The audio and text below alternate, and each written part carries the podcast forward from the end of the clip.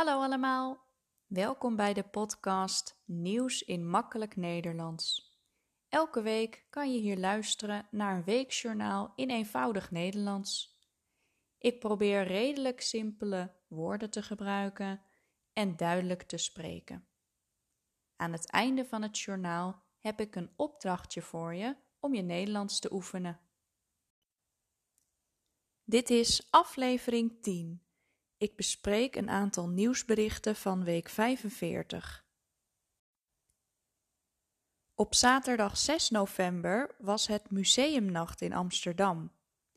Die avond kon je naar het museum van ongeveer 7 uur tot 2 uur s'nachts. Elk jaar is het de eerste zaterdag van november Museumnacht. Meer dan 50 Amsterdamse musea doen mee aan dit evenement. Het evenement is vooral bedoeld voor jongeren. Je kunt een kaartje kopen en dan verschillende musea bekijken, zoals de Hermitage, het Van Gogh Museum en het Scheepvaartmuseum. In de musea kan je exposities zien en er zijn ook workshops en muziekoptredens. De eerste museumnacht werd in 2000 georganiseerd. Vorig jaar ging het niet door vanwege de coronapandemie. Dit jaar was het superdruk. Er stonden lange rijen voor de ingang van de musea. Sommige musea sloten hun deuren omdat het te druk werd. Bij een festival in Amerika zijn acht personen gestorven, doodgegaan. Rapper Travis Scott gaf een concert. Het was heel druk voor het podium. De fans hadden te weinig ruimte en daardoor ontstonden er problemen. Ze raakten in paniek en konden niet wegkomen. Sommigen vielen flauw of kregen een hartstilstand. In totaal raakten ongeveer 25 mensen gewond. En er zijn dus acht doden gevallen. De rapper wist niet wat er gebeurde en hij stopte het concert niet. Hij gaat nu een telefoonlijn starten voor mensen die hulp nodig hebben. En hij gaat de begrafenis van de doden betalen. Minimaal twaalf mensen hebben de rapper en de organisatoren aangeklaagd. Het festival was niet veilig, zeggen zij. Ook bij een aantal andere concerten van Travis Scott waren er problemen. Formule 1-coureur Max Verstappen heeft de Grand Prix van Mexico gewonnen. Hij reed een goede race in zijn auto van Red Bull.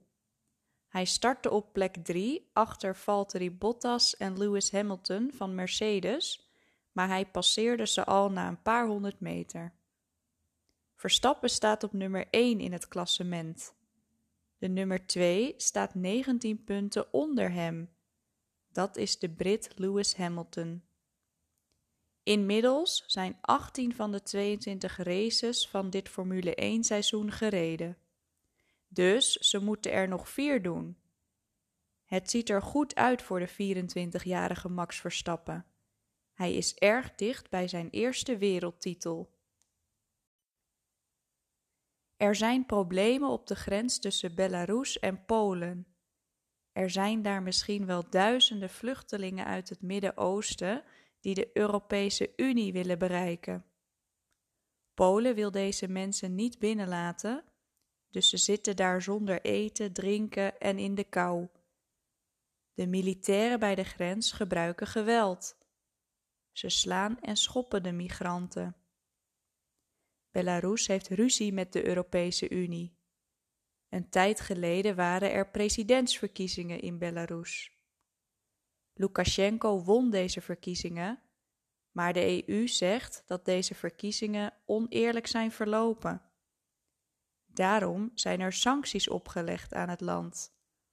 Allerlei handel van de EU met Belarus is verboden. Lukashenko is boos en haalt vluchtelingen met vliegtuigen uit het Midden-Oosten. Hij stuurt ze naar Polen, dus naar de EU. Het is een provocatie. Vrijdagavond 11 november was er weer een persconferentie over corona. Het virus verspreidt zich te snel en daarom zijn er strengere maatregelen nodig. We moeten anderhalve meter afstand houden, mondkapjes dragen en zoveel mogelijk thuiswerken. Essentiële winkels, zoals supermarkten, dierenwinkels en drogisterijen, moeten om 8 uur 's avonds dicht. En niet-essentiële winkels, zoals kledingwinkels, casino's en kappers, om 6 uur 's avonds. Restaurants en cafés moeten sluiten om 8 uur en je komt alleen binnen met een QR-code. En je krijgt een vaste zitplaats. Bioscopen, theaters en concertzalen blijven open. Je mag nog sporten, maar er mag geen publiek aanwezig zijn. Ook bij de voetbalwedstrijd tussen Nederland en Noorwegen mogen geen fans komen kijken. Een dringend advies is om maximaal vier personen thuis te ontvangen. Bovendien kunnen ondernemers, dus mensen met een bedrijf, binnenkort kiezen voor een 2G-beleid. 2G betekent dat je alleen nog een QR-code krijgt als je bent gevaccineerd of hersteld van corona.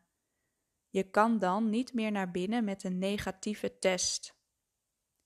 Dit pakket maatregelen geldt in ieder geval tot zaterdag 4 december. Sinterklaas is weer in het land.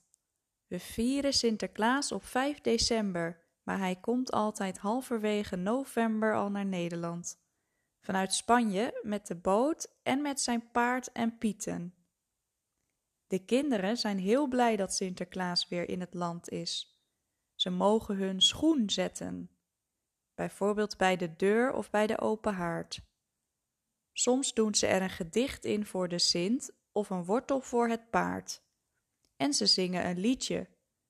De volgende ochtend zit er een cadeautje in hun schoen.